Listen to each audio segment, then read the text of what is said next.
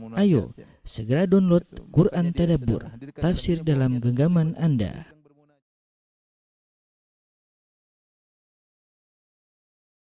Bismillahirrahmanirrahim. Assalamualaikum warahmatullahi wabarakatuh. Alhamdulillahi ala ihsani wa syukru lahu ala taufiqihi wa amtinani wa asyhadu an la ilaha illallah wahdahu la syarika lahu ta'ziman li sya'nih wa asyhadu anna Muhammadan abduhu wa rasuluhu da'ala ridwanih. Allahumma salli alaihi wa ala alihi wa ashabihi wa ikhwani. Para hadirin hadirat, uh, para pemirsa, demikian juga uh, ibu-ibu yang dirahmati oleh Allah Subhanahu wa taala yang keserta dalam kajian Zoom pada kesempatan pagi hari ini. Alhamdulillah uh, puji dan syukur kita panjatkan kepada Allah atas segala limpahan karunia yang Allah berikan kepada kita. Salawat dan salam Semoga tercurahkan selalu kepada junjungan kita Nabi Muhammad SAW juga kepada keluarganya serta seluruh pengikut yang setia, setia hingga akhir zaman kelak. Kita akan bahas uh, puncak dari kenikmatan di surga yaitu melihat wajah Allah Subhanahu wa taala. Yang ini adalah hal yang diimpikan oleh setiap penghuni surga bahkan diimpikan oleh para anbiya ya. Di, diimpikan oleh para nabi dan rasul. Oleh karenanya di antara doa Nabi sallallahu alaihi wasallam eh, as'alu as'aluka ladzatan nadhar ila wajhik wasyauqa ila liqa'ik. Ya Allah aku mohon kelezatan memandang wajahmu dan kerinduan untuk bertemu denganmu. Nabi minta ya ini karena ini adalah puncak dari kenikmatan di akhirat kelak. Demikian juga Nabi Musa alaihissalam ketika uh, datang bertemu dengan Allah, kemudian berbicara dengan Allah. Musa alaihissalam merasakan kebahagiaan yang luar biasa ketika berbincang-bincang dengan Allah. Kemudian dia ingin minta yang lebih daripada itu, ingin melihat wajah Allah Subhanahu wa taala. Walamma jaa Musa limiqatina wa kallamahu rabbuhu qala rabbi arini anzur ilaik. Tatkala Musa datang memenuhi pertemuan dengan kami wa kallamahu rabbuhu dan Rabbnya berbicara dengan dia Qala Rabbi arini anzur ilaik. Maka Nabi Musa ingin melihat Allah. Beliau berkata, Rabbi arini anzur ilaik. Ya Rabbku, ya tunjukkanlah dirimu, aku ingin melihatmu. Kata Allah, Qala lan tarani. Kau tidak mampu untuk melihatku. Ya karena kemampuan tubuh Musa tidak mampu untuk melihat Allah Subhanahu wa taala. Ya. Walakin inzur ila al-jabali fa in istaqarra makanahu fa sawfa tarani falamma tajalla rabbuhu lil jabali ja'alahu dakka wa kharra Musa sa'iqa. Kata Allah, kau tidak akan kau tidak akan bisa melihat aku. Tapi lihatlah kepada gunung. Jika gunung masih kokoh di tempatnya, kau akan melihat aku. Tatkala Allah memperlihatkan dirinya di gunung, gunung tersebut hancur, ya tidak mampu ya eh, dengan penampakan Allah Subhanahu wa taala. Wa kharra Musa sa'iqa dan Musa pun pingsan, ya. Tapi intinya Musa rindu ingin melihat Allah Subhanahu wa taala. Ya, beliau ingin melihat di dunia ya, ingin melihat di dunia melihat Allah Subhanahu wa taala. Uh, oleh karenanya kenikmatan yang paling terbesarlah di surga yang membuat orang-orang lupa dengan nikmat-nikmat yang lain ya. Sungguh yang mereka nanti-nantikan yang mereka sangat rindukan adalah melihat wajah Allah Subhanahu wa taala. Kata Nabi sallallahu alaihi wasallam, "Idza dakhala ahlul jannatil jannah," ketika penghuni surga masuk dalam surga. Qal yaqulu Allah tabaraka wa ta'ala. Maka Allah berkata kepada mereka, Allah berbincang-bincang dengan mereka, dengan penghuni surga. Ya. Dan kalau di dunia Allah berbicara hanya dengan orang-orang khusus seperti Nabi Musa alaihissalam yang dikatakan dengan kalimullah yaitu nabi yang Allah berbicara langsung dengannya tanpa melewati perantara malaikat Jibril dan ini suatu kebahagiaan tersendiri. Sampai Allah mengatakan, "Ya Musa, inni istafaituka 'alan nasi bi risalati wa bi kalami." Wahai Musa, aku telah memilih engkau dari sekian manusia dengan risalah yang aku berikan kepada engkau, aku jadikan engkau seorang rasul wa bikalami dan aku berbicara langsung dengan engkau. Ya, makanya Musa merasa bahagia ketika berbicara dengan Allah. Dan di antara kebahagiaan penghuni surga di surga adalah berbicara dengan Allah. Allah berbicara dengan penghuni surga.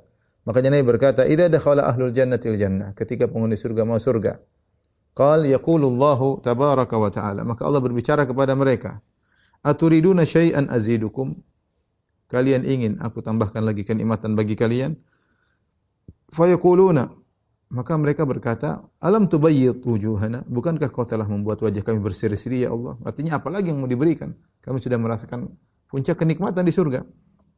Alam tudkhilnal jannah?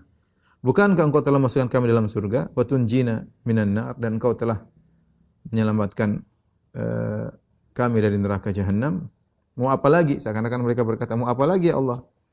Fayakshiful hijab, maka Allah menyingkap hijabnya. Ya, kita tahu hijab Allah dari cahaya, hijabuhun nur.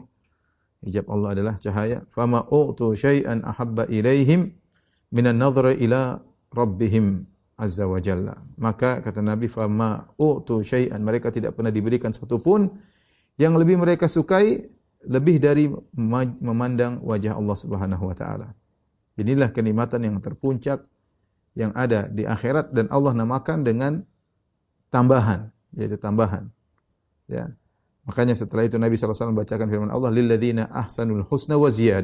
Bagi orang-orang yang berbuat ihsan, mereka mendapatkan surga al-husna wa ziyadah dan mendapatkan tambahan. Tambahan tersebut adalah memandang wajah Allah Subhanahu wa taala. Karena sebagian ahli tafsir ketika menafsirkan tentang kenikmatan uh, surga Firdaus kata Allah Subhanahu wa taala, Innal ladzina amanu wa amilus solihati kanat lahum jannatul firdausi nuzula khalidina fiha la yabghuna anha hiwala. Di akhir surat Al-Kahfi.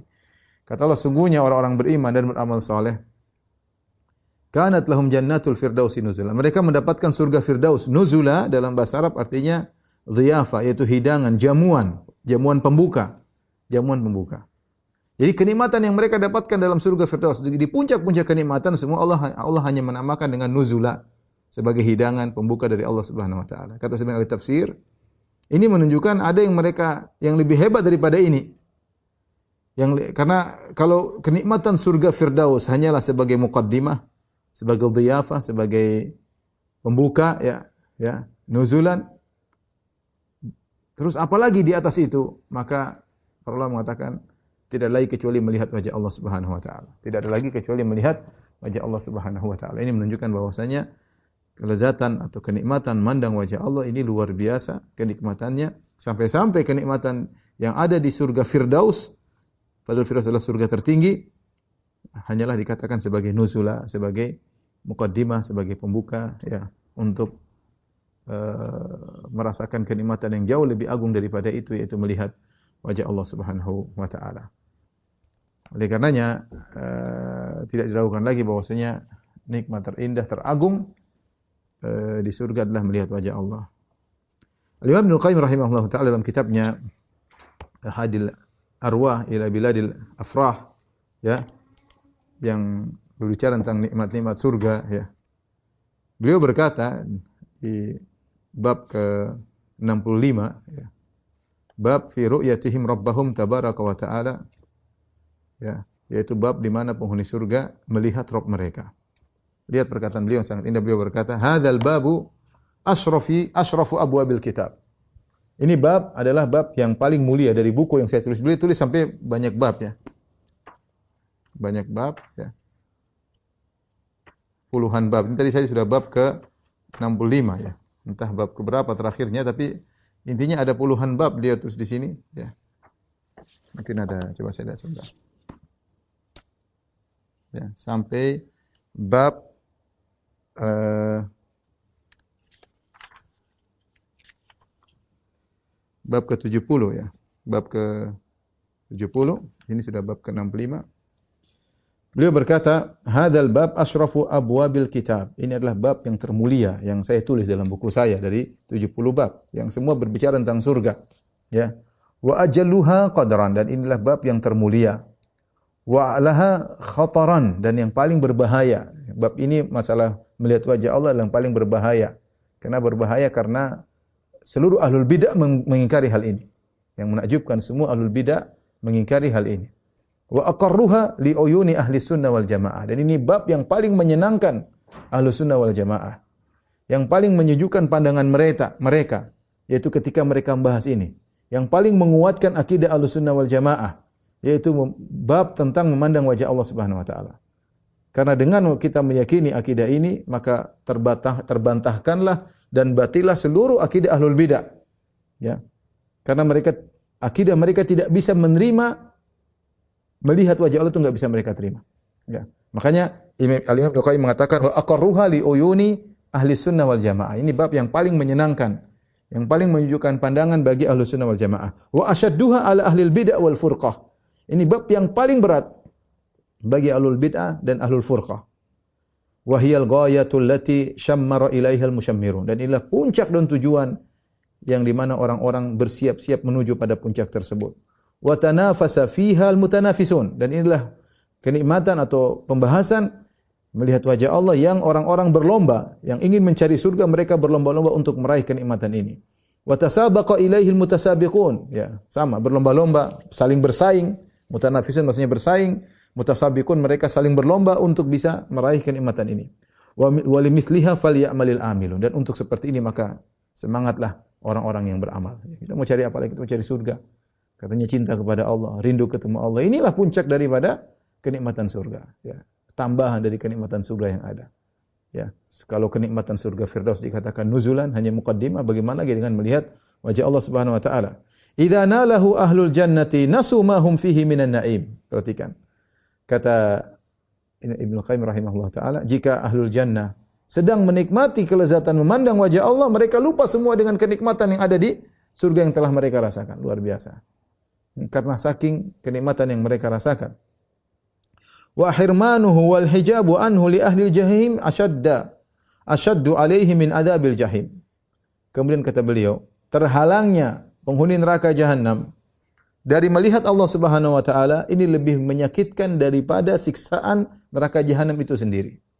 Lebih ter, lebih menyakitkan daripada siksaan neraka jahanam itu sendiri ya. Seperti uh, sebenarnya mengatakan seperti kalau uh, seorang ingin masuk surga diperlihatkan setiap orang ingin masuk surga dalam hadis yang sahih Sahih Bukhari dan yang lainnya kalau seorang ingin masuk surga diperlihatkan itu tempat di neraka. Seandainya dulu kau tidak berbuat baik di surga kau akan dapat tempat itu. Maka dia semakin bersyukur kepada Allah. Sama penghuni neraka. Sebelum masuk neraka diperlihatkan itu tempatmu di surga. Kalau kau dulu berbuat baik, kau akan dapat tempat tersebut. Maka dia semakin tersiksa, semakin menyesal. Ya, sama. Ada kenikmatan yang seandainya mereka dahulu beriman kepada Allah, mereka akan dapatkan itu kenikmatan memandang wajah Allah. Ketika mereka terhalangi dari memandang wajah Allah, maka itu siksaan tersendiri. Bahkan kata Ibnu Qayyim, lebih tersiksa daripada siksaan neraka jahanam itu sendiri. Kemudian kata Ibnu Qayyim rahimahullah taala, ittafaqa alaihi al-anbiya wal mursalun. Para nabi, para rasul semuanya sepakat tentang hal ini. Wa jami'u sahaba wa tabi'in wa tabi'un. Para sahabat seluruhnya demikian juga para tabi'in. Wa immatul islami ala tatabu'il qurun. Demikian juga para imam-imam dari generasi ke generasi. Dan Ibnu Qayyim rahimahullah taala dalam kitabnya ini uh, beliau menulis seperti ketika beliau menulis kitab uh, Ijtima' Juyus al-Islamiyah al-Jahmiyah ya ketika beliau membahas tentang ulullah tentang Allah di atas buku Ijtima' Juyus al-Islamiyah beliau mulai dengan dalil Al-Qur'an kemudian uh, hadis kemudian beliau mulai dengan uh, perkataan para sahabat setelah hadis-hadis para sahabat setelah itu para tabi'in kemudian tabi'in kemudian tabi'ut tabi'in kemudian para ulama ya sampai ratusan ulama yang mengatakan Allah di atas. Sama ketika beliau membahas tentang Allah di atas langit, beliau juga menyampaikan hadis-hadis, ayat hadis-hadis kemudian beliau sampaikan perkataan para sahabat. Beliau nukil yang mengatakan bahwasanya di antara nikmat surga adalah melihat wajah Allah. Setelah itu beliau menyampaikan para perkataan tabi'in, kemudian para a'imah ya, untuk menunjukkan bahwasanya ini akidah Ahlussunnah wal Jamaah yang seorang tidak boleh menyimpang darinya. Ya, tidak boleh menyimpang darinya. Uh, maka beliau berkata, "Ittafaqa alaihi al-anbiya wal mursalun wa jami'u sahaba wa tabi'un wa aimmatul islami ala tatabu'il qurun." Disepakati oleh para nabi, para mursalun, para rasul, seluruh sahabat, para tabi'in, para aimmatul Islam dari generasi ke generasi. Wa ankaruha ahlul bid'ah al-mariqun. Dan ternyata diingkari oleh ahlul bid'ah al-mariqun maksudnya adalah khawarij. Wal jahmiyatul mutahawwikun dan orang-orang jahmi yang kebingungan yang yang ragu, selalu dalam keraguan. Wal fir'auniyatu al mu'attilun dan al fir'auniyah itu pengikut Firaun yang menolak Allah di atas. Seluruh orang yang menolak Allah di atas melazimkan mereka mengingkari Allah dilihat karena kalau melihat Allah ya ada arahnya. Sementara mereka mengatakan Allah tidak di arah, Allah tidak di atas, Allah tidak ya sudah. Berarti mereka akan mengingkari melihat wajah Allah Subhanahu wa taala. Di antara yang mengingkari wal batini wal batiniyatul ladzina hum min jamil adyani munsalikhun dan juga diingkari oleh kaum batiniyah yang mereka ya terlepas dari seluruh agama ya. Warrafidhatul ladzina hum bihabaili syaitani mutamassikun dan juga akidah ini diingkari oleh kaum Rafidhah yang mereka berpegang teguh dengan tali-tali syaitan. Wa min hablillahi munqati'un dan mereka terputus dari tali Allah. Wa ala masabbati ashabi Rasulillah sallallahu alaihi wasallam akifun dan kerjaan mereka hanyalah mencaci maki para sahabat Rasulullah sallallahu Wali sunnati wa ahliha muharibun dan kerjaan mereka adalah memerangi sunnah hadis-hadis Nabi dan memerangi ahlu sunnah. Wali kulli aduwin lillahi wa rasulihi wa dinihi wa musalimun. Sementara sebaliknya kaum Rafidah terhadap musuh Allah, musuh Rasulullah, musuh agama mereka berdamai. Wa kullu haula'i an rabbihim mahjubun. Kata Ibnu Qayyim mereka ini semua akan terhalangi dari melihat wajah Allah Subhanahu wa taala. Wa an babihi matrudun mereka akan ter terusir dari pintu Allah Subhanahu wa taala. Ulaika ahzabud dalal. Mereka inilah hizb-hizb kesesatan wa syiatul la'in mereka adalah orang Rafidhah adalah penolong iblis wa adaur rasul wa hizbuhu dan mereka adalah musuh-musuh Rasul dan juga uh, musuh-musuh para pengikut Rasulullah sallallahu alaihi wasallam. Ini mukadimah yang agung yang ditulis oleh Ibnu Qayyim rahimahullah taala. Sekarang memberikan memberikan kesimpulan kepada kita tentang masalah melihat wajah Allah Subhanahu wa taala. Ya karena sangat jelas akidah Ahlussunnah dengan Ahlul Bidah. Kenapa? Karena di balik akidah melihat wajah Allah pada hari kiamat kelak itu dibangun di atas e, banyak akidah. Di antaranya akidah Allah di atas.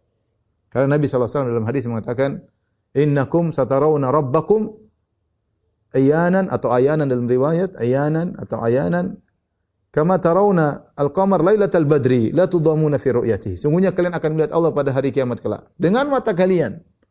Sebagaimana kalian terembulan, lihat rembulan, Lihat rembulan lihatnya ke atas. Sampai Nabi jelaskan, kalian tidak tidak perlu berdesak-desakan, tidak perlu saling memberi kemudaratan. Kalau lihat di depan mungkin saling eh, pinggir-pinggir lihat. Tapi ketika yang lihat di atas semuanya tinggal di tempatnya yang lihat ke atas selesai. Ya, jelas sekali bahwasanya dari sifat melihat wajah Allah, Allah punya wajah. Pembahasan pertama Allah punya wajah. Ya, karena kalau melihat wajah Allah ternyata wajahnya tidak ada, terus apa yang dilihat? Ya. ya. Yang kedua bahwasanya uh, Allah di atas sehingga melihat di atas dan ini perkara yang diingkari oleh seluruh ahlul bidah diingkari oleh seluruh, seluruh ya baik uh, khawarij baik jahmiyah baik mu'tazilah baik asy'ariyah baik maturidiyah baik syiah semua sepakat bahwasanya Allah tidak punya wajah. Dan semuanya sepakat bahwasanya Allah tidak di atas. Semuanya sepakat Allah tidak di arah. Sehingga terus bagaimana mereka menghadapi dengan berhadapan dengan hadis-hadis mutawatir bahwasanya kaum mukminin di surga akan melihat Allah. Makanya dikatakan Ibnu Qayyim tadi wa asyadduha ala ahlil bid'ah. Bid'ah wal furqa ini pembahasan yang paling berat bagi ahlul bid'ah. Akan banyak takwilan-takwilan yang harus mereka lakukan. Mempelintir ayat dan hadis agar bisa sesuai dengan keyakinan mereka yang dibangun di atas filsafat dan syubhat-syubhat akal untuk menolak berbagai macam dalil ya yang harus mereka tolak. Ikhwan dan akhwat yang dirahmati Allah Subhanahu ibu yang dirahmati Allah Subhanahu wa taala, maka pada kesempatan kali ini kita akan bahas tentang melihat wajah Allah Subhanahu wa taala adalah perkara yang dirindukan oleh seluruh kaum mukminin. Ya, dan semoga Allah menganugerahkan kepada kita kenikmatan tersebut, bisa melihat wajah Allah Subhanahu wa taala. Syekh Abdul Razak taala bercerita ada seorang satu hari uh, bertemu dengan sekelompok orang di antara mereka ada seorang dai atau seorang yang mengingkari Allah di atas atau mengingkari Allah bisa dilihat. Ini akidahnya Mu'tazilah. Akidahnya Mu'tazilah. Dia mengatakan Allah tidak bisa dilihat. Kasih syubhat. Ada orang awam banyak hadir. Dia juga hadir di situ. Orang tersebut dia hadir. Sementara dia ceramah tentang Allah tidak bisa dilihat. Orang-orang awam mereka tidak paham dalilnya karena dalilnya berupa dalil akal gini-gini. Tetapi paling tidak mereka jadi ragu. Mereka jadi ragu tatkala Allah tidak bisa dilihat. Tidak ada semua ayat dia takwil, semua ini pakai dalil, pakai akal, semua dia bilang intinya Allah tidak bisa dilihat. Orang-orang awam yang dengar mungkin tidak paham apa dalil akalnya, tetapi paling tidak mereka ragu. Keakidah yang selama ini mereka yakini bahwasanya Allah bisa dilihat jadi teragukan. Seorang ini berkata, orang ahlu sunnah ini, ya, berkata, ketika fulan, ya Syekh, saya mau berdoa, saya mau berdoa. Eh, saya akan angkat tangan. angkat Allah di atas, saya angkat angkat tangan. Dan saya harap jamaah semua juga angkat tangan berdoa. Dan antum juga wahai Syekh tolong aminkan. Kita semua berdoa. Kata Syekh, insya Allah kita kita rame-rame kita berdoa. Ya, tolong dengar doa saya. Maka dia berdoa. Allahumma raharrimhu min ru'yati wajhik. Inti doanya, ya Allah, halangilah si fulan dari melihat wajahmu. Ayo bilang amin. Kata dia, jangan, jangan bilang amin, jangan amin. Kata sang dai, jangan bilang amin. Loh, kenapa? Kamu tadi bilang Allah tidak bisa dilihat. Allah tidak bisa lihat, ya sudah, saya akan berdoa sesuai dengan keyakinanmu. Ya Allah, haramkanlah dia dari melihat wajahmu. Kalau kau yakin Allah tidak bisa dilihat, tuh ini enggak ada masalah dong. Aminkan, aminkan. Ayo aminkan. Ya Allah, harimhu min ru'yati wajhik. Ya Allah, haramkan dia dari melihat wajahmu. Kata dia, jangan, jangan, subhanallah. Dia, dia tidak berani. Dia tidak berani mengatakan, iya, aminkan saja. Ya. Fitrah dia tidak mau. Dan sudah akhirnya orang awam mengerti bahwasanya orang ini ngawur. Ya. Makanya kalau ada orang bilang Allah tidak bisa lihat, kita bilang ya, saya berdoa ya, semoga engkau tidak bisa melihat wajah Allah Subhanahu wa taala. Kau terhalangi, terharamkan dari melihat wajah Allah Subhanahu wa taala. Dia bilang amin enggak? Bilang amin harus ini dengan Allah pada hari kiamat kelak. Tapi ini cerita intinya uh, ibrah pelajaran bagi kita bahwasanya uh, ini akidah yang merupakan puncak dari akidah Ahlussunnah wal Jamaah. Makanya sebagian ulama menulis akidah ini di ujung pembahasan tentang sifat. Seperti Al-Imam Ibnu Taimiyah rahimahullah taala membahas tentang masalah melihat wajah Allah ketika dia menutup pembahasan tentang sifat dalam akidah al-wasitiyah. Demikian juga Ibnu Qudamah ya. Dalam uh, bukunya Lumatul I'tiqad juga menyebut tentang di ujungnya tentang masalah ru'yah ya. Kenapa? Karena ru'yah ini adalah gabungan dari banyak akidah. Di antaranya tadi sudah disebutkan ya. Kita tuliskan ya.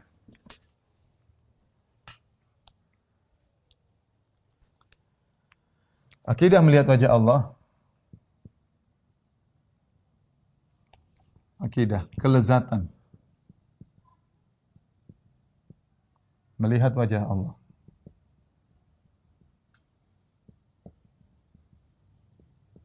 Dibangun di atas uh, banyak akidah yang lain. Di antaranya, di antaranya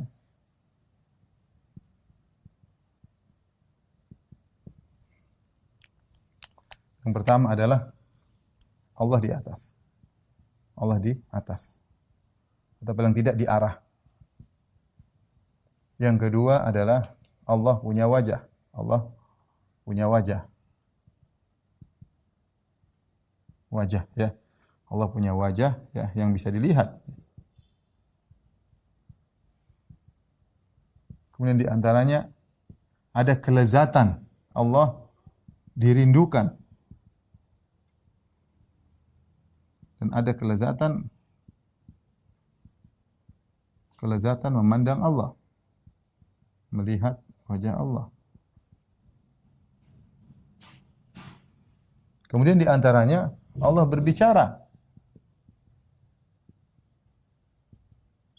Berbicara dengan suara yang didengar. Didengar penghuni surga penghuni surga. Berbincang tadi kita sebutkan. Ini semua ikhwan dan akhwat yang dirahmati Allah Subhanahu Ini semua diingkari oleh ahlul bidah. Ini satu, ya.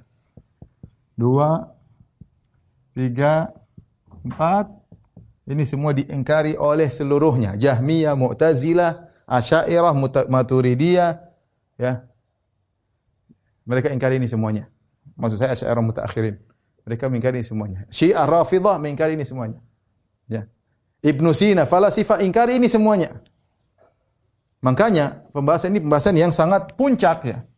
Melihat kelezatan wajah Allah ini pembahasan puncak. Alusunnah menetapkan ini semua dan bagi mereka nggak ada masalah. Nggak ada masalah. Apa kata misalnya Asy'ariyah mutaakhirin? Allah tidak di atas. Sudah terus gimana melihat? Terus cara ngelihatnya gimana nanti pada hari kiamat? Allah tidak punya wajah kata. Terus yang dilihat apa dong? Ya. Bahkan sebagian mereka uh, Allah tidak bisa dilihat karena kalau dilihat berarti jism. Kalau jism tidak boleh dan macam-macam dari mereka. Akal, akal. Allah tidak sebagian mereka Allah tidak bisa dirindukan. Tidak ada. Allah tidak Ya, tidak sebagian mereka mengatakan Allah tidak bisa dirindukan karena dia bukan sesuatu yang untuk dirindukan. Sebagian mereka demikian. Padahal dia ada kelezatan mandang wajah Allah. Kelezatan seorang mandang Allah menimbulkan kelezatan. Ya, mereka harus tahu lagi. Kemudian Allah berbicara tadi dengan hambanya. Ya. Ya.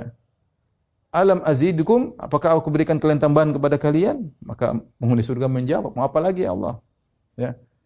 Dan ini menunjukkan bahwasanya pentingnya akidah melihat wajah Allah yang dibangun di atas akidah yang yang benar yang selama ini kita pelajari. Dan saya katakan tadi, akidah melihat wajah Allah Subhanahu wa taala ya adalah akidah Ahlussunnah wal Jamaah ditetapkan oleh para sahabat kata Ibnu Qayyim, para sahabat, para tabi'in, para tabi'ut tabi'in, para aimatul Islam ya. Dan Ibnu Qayyim menukil perkataan mereka dalam kitabnya Hadil Arwah ila Biladil Afrah. Taib ini eh, mukadimah sekarang kita akan jelaskan tentang dalil-dalil Allah bisa Allah dilihat pada hari kiamat kelak ya. Baik.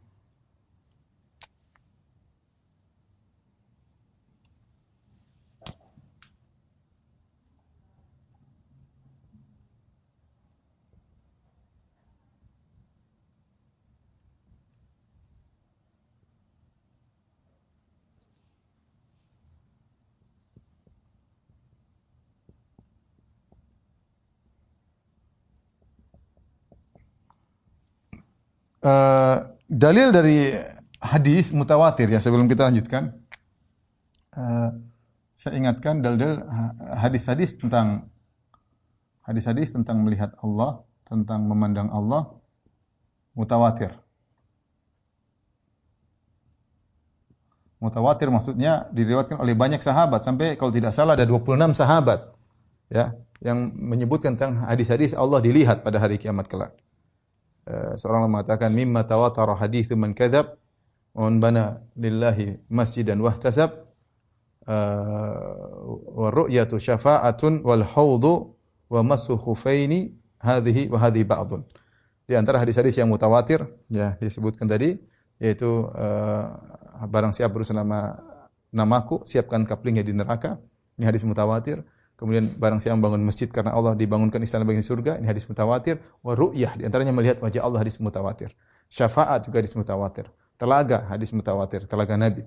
Kemudian yang terakhir adalah mashu alal khufain, mengusap dua khuf ketika dalam tidak perlu membuka ketika berwudu ya, tidak perlu membuka uh, kedua khuf tidak perlu mencuci kaki, membasuh kaki tapi cukup mengusap bagian atasnya. Itu hadis-hadis yang mutawatir di antaranya masalah hadis ru'yah tentang melihat uh, Allah Subhanahu wa taala. Daruqutni rahimahullah punya buku tentang uh, ru'yah, ru'yatullah, hadis-hadis yang dia kumpulkan tentang melihat Allah Subhanahu wa taala. Baik, adapun dalil tentang bahwasanya Allah bisa dilihat di surga oleh penghuni surga kita klasifikasikan menjadi dua, dua model. Dua model dalil. Pertama dalil-dalil yang menunjukkan mungkinnya hal tersebut mungkinnya Allah dilihat. Mungkinnya Allah dilihat. Kemudian dalil yang yang kedua yaitu dalil-dalil yang menunjukkan Allah akan dilihat. Ya, Allah akan dilihat. Dilihat uh, di surga ya, atau pada hari kiamat. Kenapa saya perlu membahas dalil-dalil yang menunjukkan mungkinnya? Kenapa saya perlu bahas ini? Karena kaum Mu'tazilah dan Jahmiyah mengatakan terlihatnya Allah itu perkara mustahil. Ya. Kenapa? Karena saya ingatkan, karena Jahmiyah dan Mu'tazilah Rafidah karena Jahmiyah. Mu'tazilah. Rafidah menyatakan ini perkara mustahil. Ini perkara mustahil. Ini adalah perkara mustahil. Sama seperti melihat Allah itu seperti mengatakan Allah makan, Allah buang hajat. Sama seperti Allah punya istri, sama seperti Allah mati, yaitu suatu mustahil. Nah sama, terlihatnya Allah itu perkara yang mustahil. Mereka bilang ini, terlihatnya Allah perkara yang mustahil. Maka para ulama ketika membahas tentang dalil Allah bisa lihat Allah ter, akan dilihat di surga, mereka membagi dua di antaranya dalil yang menunjukkan mungkinnya hal tersebut. Tapi apa dalil yang menunjukkan mungkinnya hal tersebut? Pertama adalah uh, tadi kisah Musa yang meminta untuk melihat Allah. Jelas. Tadi kata Nabi Musa, Rabbi arini anzur ilaik. Ya Robku, tunjukkanlah dirimu kepadaku. Kalau ini perkara mustahil, maka Nabi Musa pasti tahu mustahil. Masa Nabi Musa enggak tahu? Anda bilang mustahil, Nabi Musa ternyata tidak tahu, terus minta mustahil. Ya, enggak mungkin Nabi Musa, Nabi Musa minta sesuatu yang mustahil. Kita logikanya sederhana. Tidak mungkin. Tidak mungkin Nabi Musa, Musa alaihissalam minta yang mustahil. Ya. Seperti sama seperti mengatakan permintaan ya Allah bisakah kau ada dua? Ya Allah bisakah kau punya anak? Bisakah kau punya istri sama? Tidak mungkin Nabi Musa meminta hal tersebut. Makanya ketika Nabi Musa minta, Allah tidak marah kepada Nabi Musa. Tapi Allah menjelaskan lantaran kau tidak bisa lihat aku. Artinya kemampuanmu tidak bisa melihat aku. Apa kata Nabi dalam hadis yang sahih kata Nabi SAW? Hijabuhun nur. Sungguhnya hijab Allah adalah cahaya. Lau kasyafahu la ahraqat subhatu wajhi mantah ilaihi basaruhu min khalqih. Seandainya hijabnya dibuka maka cahaya Allah akan membakar seluruh yang dilihat oleh Allah dari makhluknya akan hancur semuanya. Kenapa? Karena wajah Allah luar biasa tidak sama dengan wajah makhluk. Sehingga Allah terhijab. Seandainya hijabnya dibuka maka cahaya subhatu wajhi, cahaya Allah akan bakar seluruh apa yang dilihat oleh Allah Subhanahu wa taala ya. Maka Nabi Musa tidak mampu untuk melihat Allah. Maka Allah mengatakan lantaran. Allah tidak mengatakan, Musa, kau minta yang aneh-aneh. Enggak boleh, ini haram, enggak boleh. Lihat ketika eh, Nabi eh, Nabi Nuh minta sesuatu kepada Allah yang salah, Allah tegur. Ketika anaknya Yam tenggelam dalam eh, dalam bah dalam apa namanya banjir eh, ketika itu ya meninggal maka Nuh alaihissalam mengatakan Inna bni min ahli wa inna wa'dakal haqq. Ya Allah, itu adalah anakku ya Allah, janjimu benar. Nabi Nabi Nuh minta agar Allah memberi keampunan kepada anaknya semisal itu. Allah tegur, Ya Nuh innahu laisa min ahlika innahu amalun ghairu salih. Fala tas'alni ma laisa laka bil. Inni aidzuka an takuna minal jahilin. Allah tegur wahai Nuh, itu anakmu, itu bukan keluargamu. Dan dia tidak dia telah melakukan perbuatan yang tidak soleh, tidak baik. Maka jangan kau minta kepadaku yang kau tidak punya ilmu tentangnya. Aku nasihat yang kau Nuh agar kau tidak menjadi orang yang jahil. Kemudian Nabi Nuh minta ampun kepada Allah Subhanahu wa taala. Tetapi ketika Nabi Musa uh, minta kepada Allah, Allah tidak me, tidak apa ya, tidak melarang Nabi Musa. Tapi Allah menjelaskan, lantaran kau tidak mampu, kemampuanmu tidak mampu. Kau tidak bisa melihat aku. Lihatlah gunung yang kokoh, yang lebih kokoh daripada badanmu, wahai Musa. Badanmu dari daging ini, itu gunung batu, ya, meledak. Falamma tajalla rabbuhu, ya, Walakin inzur ilal jabali fa in istaqarra makanahu kata Allah lihatlah kepada gunung kalau dia masih kokoh di tempatnya fasaufa tarani kau akan bisa lihat aku. Ini kata para ulama juga menunjukkan kemungkinan karena Allah mengkaitkan dengan suatu yang mungkin terjadi. Allah bisa bikin gunung itu kokoh, bisa. Tapi Allah mengatakan kalau memang gunung itu bisa kokoh kan lihat aku. Tapi kalau sejak awal sudah mustahil, Allah sudah bilang sudah ini perkara mustahil kamu ada-ada saja ya. Wahai Musa, jangan minta seperti ini. Tapi ketika Allah tidak eh, melarang Nabi Musa, dan Allah mengkaitkan dengan suatu yang mungkin terjadi fasau fatarani kau akan lihat aku. Namun ternyata gunung tersebut tidak bisa bertahan. Falamma tajalla rabbuhu lil jabali ja'alahu dakka wa kharra Musa sa'iqa ketika Allah bertajalli memperlihatkan dirinya di gunung maka gunung tersebut hancur Musa pun pingsan. Setelah itu yang menakjubkan Allah tidak marah Nabi Musa Allah marah. Allah setelah itu Allah malah menghibur Nabi Musa. Bahkan setelah itu perhatikan Bahkan setelah Musa pingsan, Allah menghibur menghibur Musa dan tidak melarangnya. Apa kata Allah Subhanahu wa taala ayat selanjutnya? Ya Musa inni stafaituka bi risalati wa bi kalami fakhudh ma ataituka wa kum minasyakirin. Kata Allah, Musa, aku kan telah memilih engkau menjadi seorang rasul. Aku telah beri kau kemuliaan dengan aku berbicara langsung kepadamu. Ambillah apa yang aku berikan kepada kepadamu dan jadilah aku antara termasuk orang yang bersyukur. Jadi kata para ulama itu tasliyah. Ya sudah kau tidak bisa lihat aku tapi kau kan spesial, kau kan seorang rasul. Seakan-akan Allah mengatakan demikian. Kau tidak bisa lihat aku tapi kau spesial. kau aku berikan jadikan seorang rasul dan kau aku ajak berbicara secara langsung. Ini di antara dalil uh, bahwasanya Allah mungkin untuk di, uh, dilihat uh, pada hari hari kiamat ya.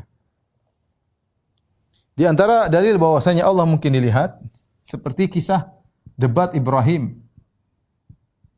Debat Ibrahim alaihissalam, Nabi Ibrahim dengan para penyembah para penyembah benda-benda langit.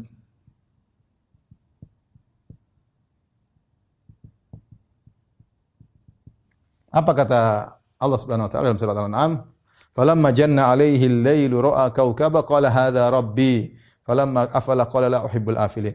Jadi Ibrahim kata para ulama dia sedang uh, bersandiwara di hadapan orang-orang tersebut agar mereka berfikir Ah, karena mereka menyembah bintang, menyembah rembulan, menyembah matahari. Ketika malam tiba, kata Ibrahim kepada kaumnya, "Falamma jannal lail alaihi lail ra'a kaukaba." Ibrahim melihat bintang, kata Ibrahim, "Hadza rabbi, ini Tuhanku." Berarti kan falamma afala tatkala bintang tersebut hilang, qala la uhibul afilin. Aku tidak mau menyembah Tuhan yang hilang, ya. Tetapi intinya Nabi Ibrahim mengatakan ini Tuhanku. Berarti Tuhan mungkin bisa dilihat. Tuhan cuma hanya hanya saja Tuhan ini ternyata bisa hilang, mereka tidak pantas jadi Tuhan, hanya muncul cuma di malam hari. Hanya bisa menjaga alam semesta, semesta di malam hari tidak pantas jadi jadi Tuhan. Tapi Nabi Ibrahim mengatakan hadza rabbi, ini Tuhanku ya. Ya. Ini Tuhanku, tapi tidak tidak memenuhi persyaratan. Tapi intinya Tuhan bisa dilihat. Maksud saya mungkin Tuhan itu untuk bisa di, dilihat. Kemudian di antara dalil bahwasanya Tuhan Allah mungkin dilihat, ya. Uh, ini yang kedua. Yang ketiga, Nabi berkata tentang Dajjal, perkataan Nabi tentang Dajjal.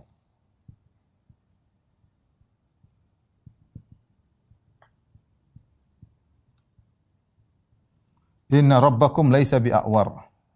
Inna rabbakum laisa bi'awar. Ya. Sungguhnya Tuhan kalian yaitu Allah tidak buta sebelah. Kita buta satu.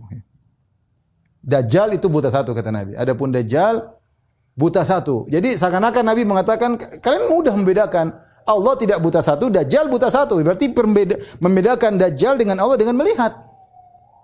Kenapa kalian terpedaya? Dajjal ngaku Tuhan jangan percaya. Seakan Nabi mengatakan Dajjal ngaku Tuhan jangan percaya. Dajjal ngaku Tuhan jangan percaya. Kenapa? Karena kalau Allah tidak buta satu, di wajah Allah mata tidak buta satu, kalau dajjal buta satu. Ini menunjukkan Tuhan bisa di, dilihat ya. Dan banyak dalilnya. Di antaranya yang yang paling menguatkan akan hal ini bahwasanya ini bukan perkara yang mustahil, di antaranya khilaf para sahabat.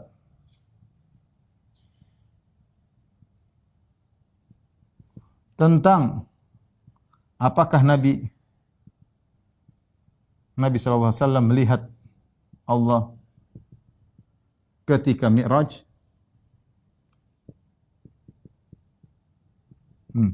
khilaf diriwayatkan Ibnu Abbas Ibnu Abbas mengatakan ra'a Muhammadun rabbahu.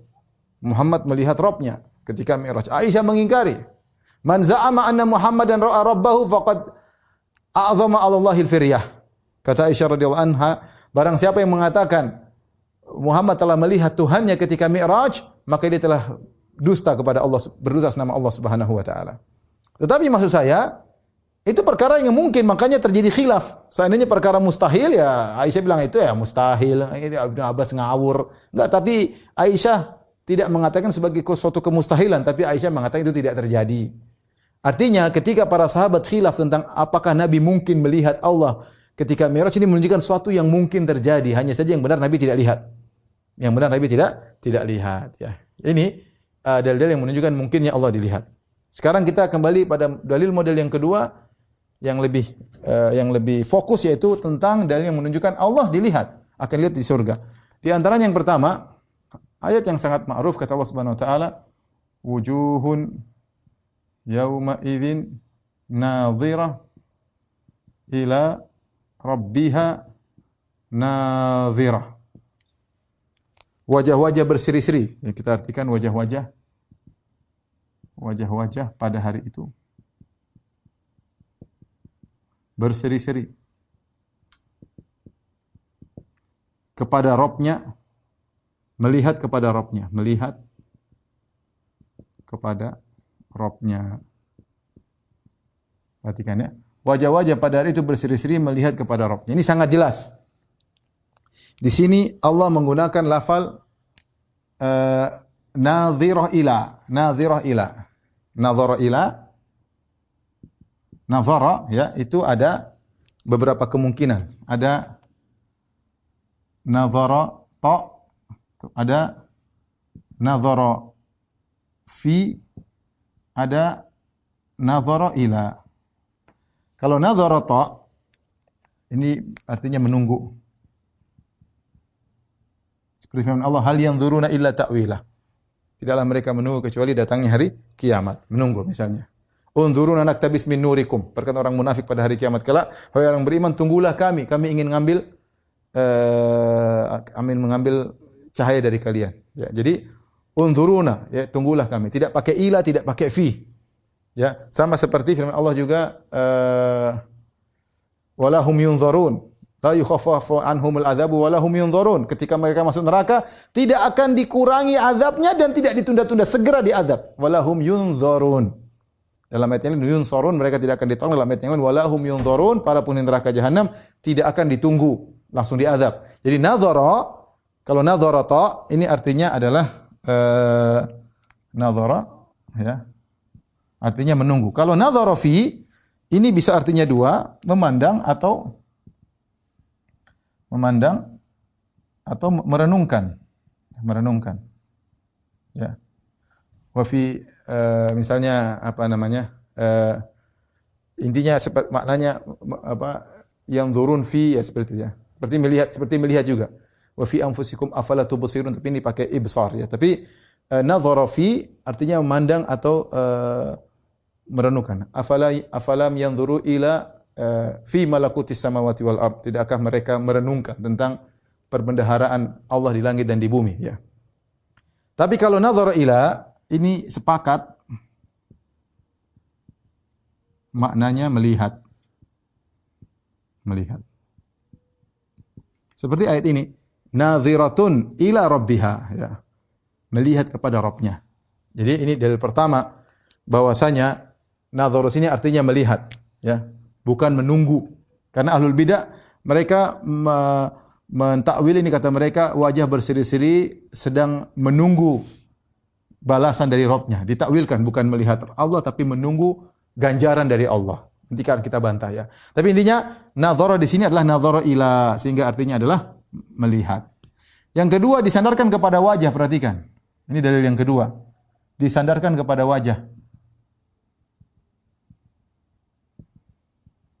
Kalau artinya menunggu, ngapain disandarkan kepada wajah? Menunggu ya hati menunggu, mungkin badan menunggu. Ketika disandarkan kepada wajah, berarti memandang karena di wajah itu ada mata yang melihat. Jadi ini menguatkan bahwasanya sedang memandang. Kemudian juga nadhirah di sifat wajah berseri-seri. Ini juga menunjukkan sedang memandang ya, sedang memandang. Ini semua dalil-dalil yang menguatkan bahwasanya ini ayat benar-benar dalil bahwasanya mereka pada hari tersebut melihat wajah mereka, melihat wajah Allah Subhanahu wa taala sambil berseri-seri wajah mereka. Dalilnya sangat jelas. Ini Mau ditakwil sangat susah. Apa takwilan ahlul bidah? Mereka takwil kata mereka nadhara sini kata ahlul bidah maksudnya adalah menunggu. Ya. Kita bilang nggak bisa menunggu itu tidak pakai fi, tidak pakai ila. Kalau bahasa Arab menunggu itu nadhara saja dan dalam Al-Qur'an banyak, ya. Ya. Coba kalau kita semua ada ilahnya artinya menunggu. Afala yang zuruna ilal ibili kaifa khuliqat. Apakah mereka tidak menunggu onta? Ya, nazara. Artinya nazara ila apakah mereka tidak melihat onta untuk direnungkan bagaimana diciptakan? Wa ilal jibali kaifa wa ila samai kaifa wa ilal jibali kaifa nusibat. Kenapa mereka tidak lihat gunung bagaimana ditinggikan oleh Allah, dipancangkan oleh Allah? Melihat. Bukan menunggu gunung, padahal nazara ila. Wa ila samai kaifa rifat. Apakah mereka tidak melihat kepada langit? Melihat. Kalau nazara ila diartikan menunggu kacau semuanya. Apakah mereka tidak menunggu onta? Apakah mereka tidak menunggu gunung? Apakah mereka tidak menunggu langit? Nunggu apanya? Ya. Kemudian kalau artinya menunggu, Wong kita di surga menunggu apa? Menunggu sudah masuk surga langsung dapat kenikmatan, menunggu apa lagi? Ini kan di surga ceritanya. Menunggu apa lagi? Hadis-hadis semua disebutkan di surga. Kalau diartikan dengan menunggu, nunggu apa lagi di surga? Orang masuk surga langsung nikmat, nggak ada menunggu lagi. Bahkan penunggu menungguan itu adalah suatu azab. Kalau kita lagi di restoran makanan nggak datang-datang tertunggu kita jengkel. Ya. Gimana sudah masuk surga masih nunggu? Jadi mereka takwil akhirnya mereka bingung sendiri. Gimana nanti sudah masuk surga masih nunggu? Nunggu apa lagi? Ya. Makanya ketika Allah mengatakan jannatu adin yadkhulunaha yuhallawna fiha min asawir Kata para ulama, mereka masuk surga. Begitu masuk surga, langsung yuhallawna fiha min asawir. Yuhallawna di situ, ini sudah pernah saya bahas. Yuhallawna adalah, Arabnya adalah hal. Yaitu ketika mereka masuk surga, langsung mereka dapat kenikmatan. Langsung dipakaikan kepada mereka gelang-gelang, langsung diberikan kenikmatan. Tidak menunggu. Begitu masuk, langsung dapat nikmat di surga. Menunggu, nunggu apa lagi? Terus kalau nunggu, kenapa wajah berseri-seri nunggu? Nunggu itu biasanya gelisah. Ya. Ini wajah berseri-seri, jadi sulit untuk mentakwil ayat ini. Mau dipaksa-paksa ahlul bidah mereka tidak bisa mentakwil ayat ini. Yang jelas ini benar-benar melihat ya. Kemudian juga di antara firman Allah Subhanahu menunjukkan bahwasanya Allah dilihat pada hari kiamat yaitu uh, apa namanya? Uh, yaum uh, firman Allah Subhanahu wa taala ya. Kalla innahum ar-rabbihim yawma idzil mahjubun kata Allah. Kalla innahum ar-rabbihim yauma idzin la mahjubun dalam surat uh, Al-Mutaffifin. Kata Allah sekali-sekali tidak mereka orang-orang kafir orang-orang kafir ter, terhijab dari rob mereka, terhijab dari rob mereka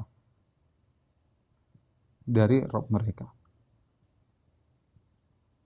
ketika hari pada hari itu. Taib. Ini terhijab apa? Tidak melihat. Ya. Kalau Allah tidak ada zatnya, ya, terus ngapain terhijab? Terus terhijab apa? Maka Imam Syafi'i berdalil dengan ini bahwasanya berarti kebalikannya orang-orang beriman tidak terhijab. Tidak terhijab akan melihat Allah Subhanahu wa taala. Tidak terhijab maka mereka akan melihat Allah Subhanahu wa taala. Orang yang kafir akan terhijab tidak bisa melihat Allah Subhanahu wa taala. Jadikan dalil ya. Tapi tidak sesore ini. Kalau ini sangat sore, ya, sangat tegas. Kemudian juga seperti firman Allah Subhanahu uh, wa taala, "Innal abrara lafi na'im." Innal abrara lafi na'im 'alal ara'iki yanzurun. Sungguhnya orang-orang yang beriman dalam kenikmatan di surga. Alal araiki yang turun mereka di atas dipan-dipan mereka memandang. Banyak ulama menafsirkan memandang wajah Allah Subhanahu wa taala. Banyak kenikmatan yang mereka lihat tapi di antaranya memandang wajah Allah Subhanahu wa taala. Kemudian juga firman Allah Subhanahu wa taala yang kelima eh, itu dua tiga ini yang keempat lilladzina ahsanul husna wa ziyadah. Lilladzina ahsanul husna wa ziyadah. Bagi orang-orang berbuat ihsan mereka dapat surga dan tambahan, ya. Tambahan di sini maksudnya adalah tambahan dengan kesepakatan para ulama berdasarkan hadis Nabi, tambahan maksudnya melihat Allah. Tambahan kenikmatan di surga. Kenapa? Karena mereka mendapat kenikmatan yang biasanya mereka lihat di dunia seperti di surga kenikmatan makanan, minuman, uh, istana, kenikmatan istri, suami. Uh, ada kenikmatan yang tidak pernah mereka lihat di surga adalah memandang wajah Allah maka disebut dengan ziyadah. Ini tambahan. Tambahan dari Allah Subhanahu wa taala. Lahum fiha ma yasha'una fiha lahum ma yasha'una eh, lahum ma yasha'una fiha waladaina mazid dalam surat Qaf. Ya, bagi mereka apa yang mereka kehendaki di surga waladaina mazid dan dari kami ada tambahan yaitu melihat wajah Allah Subhanahu uh, wa taala. Demikian juga uh, ada ayat yang mengatakan apa namanya? Faman kana yarju liqa'a rabbih, barang siapa yang berharap bertemu dengan Rabbnya. Sebagian ulama juga menafsirkan artinya ingin bertemu yang memandang Allah Subhanahu wa taala. Taib. Ini dalil-dalil uh, uh, saya saya lupa ya, satu juga di antara di antara dalil uh, dalil akal bahwasanya Allah itu bisa dilihat yaitu Allah itu ada. Allah itu ada ya. Sesuatu yang ada mungkin untuk dilihat. Kita tidak bicara pasti bisa dilihat, tapi kalau mungkin mungkin dilihat. Beda dengan sesuatu yang tidak ada. Kalau sesuatu yang tidak ada sudah pasti tidak bisa dilihat karena dia tidak ada zatnya. Tapi sesuatu yang ada ya, dan kita lihat semua rata-rata sesuatu yang ada bisa dilihat. Kenapa tidak bisa lihat? Karena kita tidak mampu melihat. E, corona ada, kita nggak bisa lihat. Jin ada, cuma kita nggak bisa lihat. Tapi anjing bisa melihat. Malaikat ada, kita nggak bisa lihat. Tapi kenapa? Bukan bukan dia nggak ada, ada kita nggak bisa melihat karena kita nggak mampu.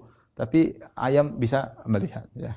Sehingga secara umum suatu yang ada memiliki keistimewaan dibandingkan suatu yang tidak ada, suatu yang ada itu mungkin untuk dilihat. Ya, tapi ini bukan ini bukan saya akan ini cuma dalil mungkin. Beda dengan ini. Kalau ini dalil pasti Allah dilihat pada hari kiamat kelak. Baik, uh, terakhir kita bahas ada waktu singkat ya tentang uh, akidah uh, orang-orang yang menolak hal ini ya. Akidah orang yang uh, menolak uh, Allah dilihat.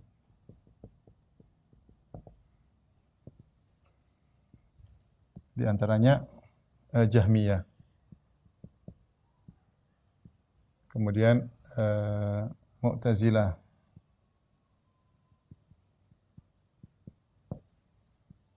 Kemudian uh, Asy'ariyah.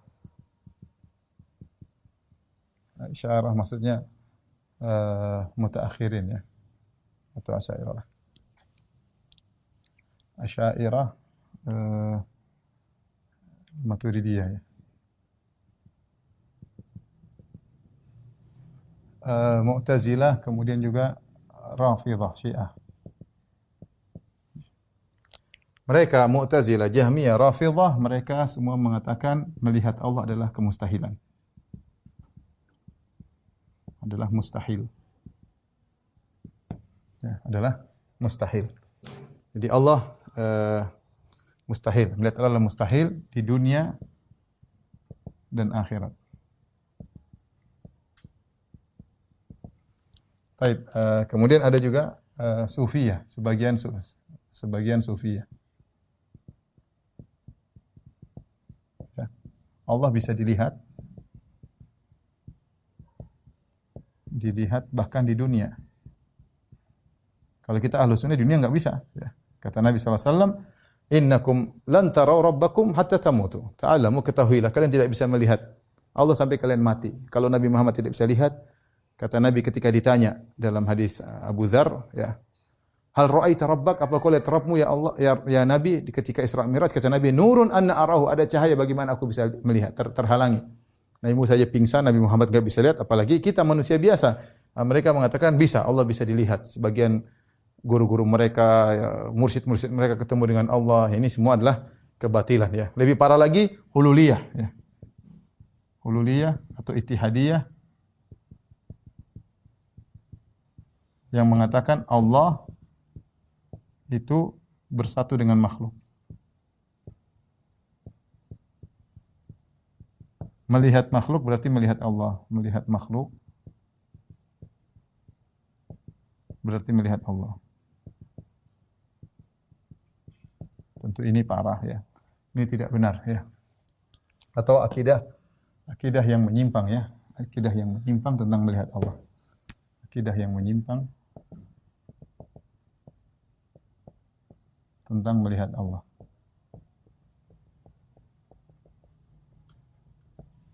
Adapun uh, Asy'ariyah Maturidiyah ya, maka uh, ada dua mereka mengatakan Allah dilihat Allah bisa dilihat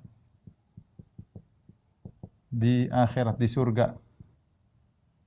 Tapi perhatikan ini. Seperti Ahlus Sunnah bisa dilihat surga, tapi ada tapinya. Uh, Allah dilihat tanpa uh, tanpa berhadapan, tanpa mukabalah, tanpa berhadapan.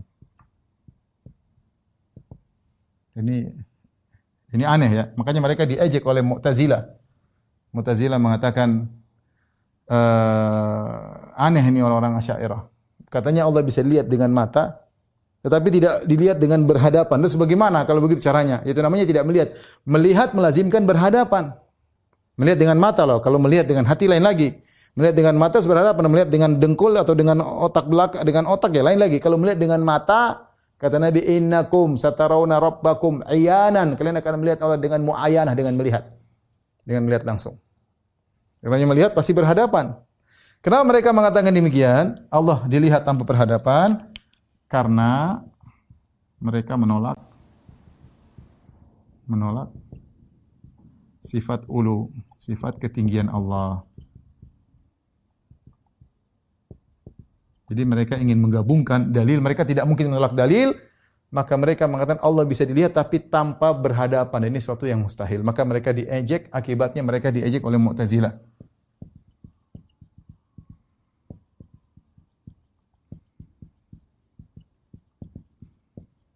Di antaranya Zamaksari. Dalam tafsirnya Al-Kasyaf dia ngejek la jama'atun sauma sammau anfus uh, sammau uh, anfusahum sunnatan ya. Ada sebagian sekelompok yang menamakan diri mereka ahlu sunnah, maksudnya dia asyairah. La jama'atun uh, la umri humrun la umri mukafa. Sungguhnya jamaah tersebut adalah himar-himar. Demi Allah mereka seperti himar-himar. Jadi dia bodoh-bodohin sama uh, apa namanya uh, Zamakhsyari dari Mu'tazilah. Ya, kenapa? Karena gara-gara ini. Kemudian Abu Zari menyebutkan bagaimana mereka mengatakan Allah bisa dilihat tapi tidak berhadapan. Ya, enggak mungkin. Namanya melihat pasti depan kita. Nah, mata kan punya arah ke depan. Kalau enggak lihat di depan mata terus di depan mana? Enggak, mustahil lah. Mustahil bisa melihat mat, dengan mata tapi tidak di depan mata dilihat. Jadi aneh. Jadi maksud saya ini kata mereka Allah dilihat dilihat dengan mata tapi tidak di depan mata. Tidak di depan mata. Ya silakan pikir sini bagaimana caranya. Ini enggak enggak masuk akal ya. Ahlus sunnah gampang. Allah ngelihat sudah selihat. Kalau ahlus sunnah selesai. Enggak usah tawil-tawil. Allah dilihat selesai. Gampang. Ini metode mereka yang pertama. Metode mereka yang kedua. Kelompok dari Asy'ariyah yang menyadari ini enggak masuk akal sehingga mereka mengatakan maksud dilihat maksud dilihat bukan dengan mata. Karena mereka tahu ini nggak masuk akal, ya.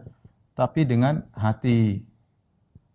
Makanya mereka menamakan ru'yah, ru'yah sama dengan ziyadatu al-inkishaf. Yaitu tambahan tambahan ilmu tentang Allah. Gampangannya tambahan tambahan uh, ilmu tentang Allah. Sebagian mereka menafsirkan seperti ini, saya lupa ya. Tapi, tapi dalam tesis saya saya sebutkan. Yang berpendapat begini siapa, berpendapat ini siapa dalam tesis yang sudah diterjemahkan, yang sudah di uh, yang ada di sebagian kawan-kawan ya. Ini uh, akidah orang-orang yang menyimpang tentang melihat Allah Subhanahu wa taala ya. Oleh karenanya uh, kalau kita bandingkan antara Asy'ariyah yang ini sehingga akidah ini sebenarnya akidah ini akidah ini ya sebenarnya kembali kepada akidahnya Mu'tazilah ya. Ya, sama, sama. Ya. E, karena akhirnya mereka menyadari kalau kita bilang Allah bisa dilihat dengan mata mustahil. Kalau tanpa berhadapan itu mustahil. Akhirnya mereka menafsirkan dengan ilmu dan itu sama Mu'tazilah juga menafsirkan ru'ya dengan ilmu, ya. Akhirnya e, jatuh lagi dalam akidahnya Mu'tazilah tanpa mereka sadari ya. Tanpa mereka sadari. Padahal mereka mengaku ber, bermusuhan dengan Mu'tazilah. Ternyata terjebak dalam akidahnya Mu'tazilah. Ya. Makanya yang, yang lebih komit, komitmen dalam kesesatan Mu'tazilah. Mu'tazilah jelas Allah tidak di atas berarti Allah tidak bisa dilihat. Selesai. Ya, yang Asaira berusaha menggabungkan dalil dengan akidah mereka. Allah tidak di atas, tidak di arah, tapi Allah bisa dilihat. Jadi bingung. Ya. Yang pintar dari mereka akhirnya bersesuaian dengan bersesuaian dengan Mu'tazilah. Baik, adapun akidah Ahlussunnah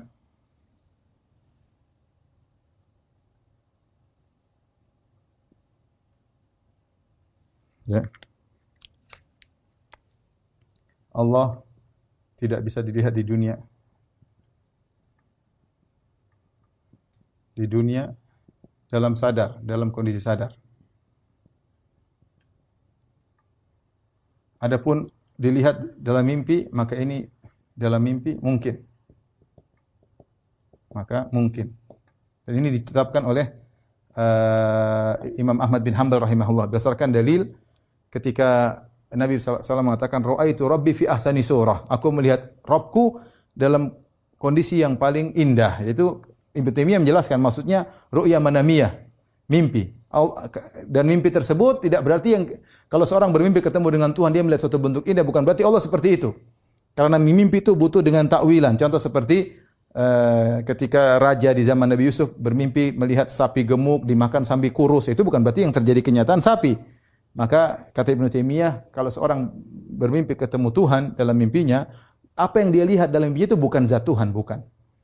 Tapi kita bilang benar dia bertemu dengan Allah sesuai dengan tingkat keimanannya semakin indah sesuatu yang dia lihat sebagai uh, gambaran tentang imannya. Tetapi apa yang dilihat dalam mimpinya itu bukan Tuhan. Ini perlu saya ingatkan karena sebagian orang berusaha sama Ibnu Taimiyah. Dia mengatakan Ibnu Taimiyah mengatakan Nabi melihat Allah dalam bentuk pemuda tampan itu enggak benar. Itu bohong. Dia cuma nukil sebagian padahal Ibnu Taimiyah membantah. Yang benar bahwasanya itu adalah mimpi, Nabi melihat Allah dalam kondisi mimpi, bukan dalam kondisi alam nyata dan Ibnu Taimiyah menjelaskan apa yang dilihat dalam mimpi bukan berarti kenyataan. Ya. Sebagaimana sapi ketika dimimpi oleh raja di zaman Nabi Yusuf, sapi gemuk dimakan sapi kurus, bukan berarti itu yang terjadi kenyataan. Ya, tapi adalah gambaran dari keimanan. Semakin iman seorang tinggi, ketika dia bertemu mimpi ketemu Allah, dia akan melihat bentuk yang semakin indah. Tapi oleh karena saya bagi Allah tidak bisa lihat di dunia dalam kondisi sadar, tapi lihat dalam mimpi maka mungkin. Ya, dan ini pendapat Imam Ahmad rahimahullah taala juga berdasarkan hadis dalam satu hadisnya. Uh, adapun di surga, adapun di surga uh, Allah dilihat oleh para penghuni surga.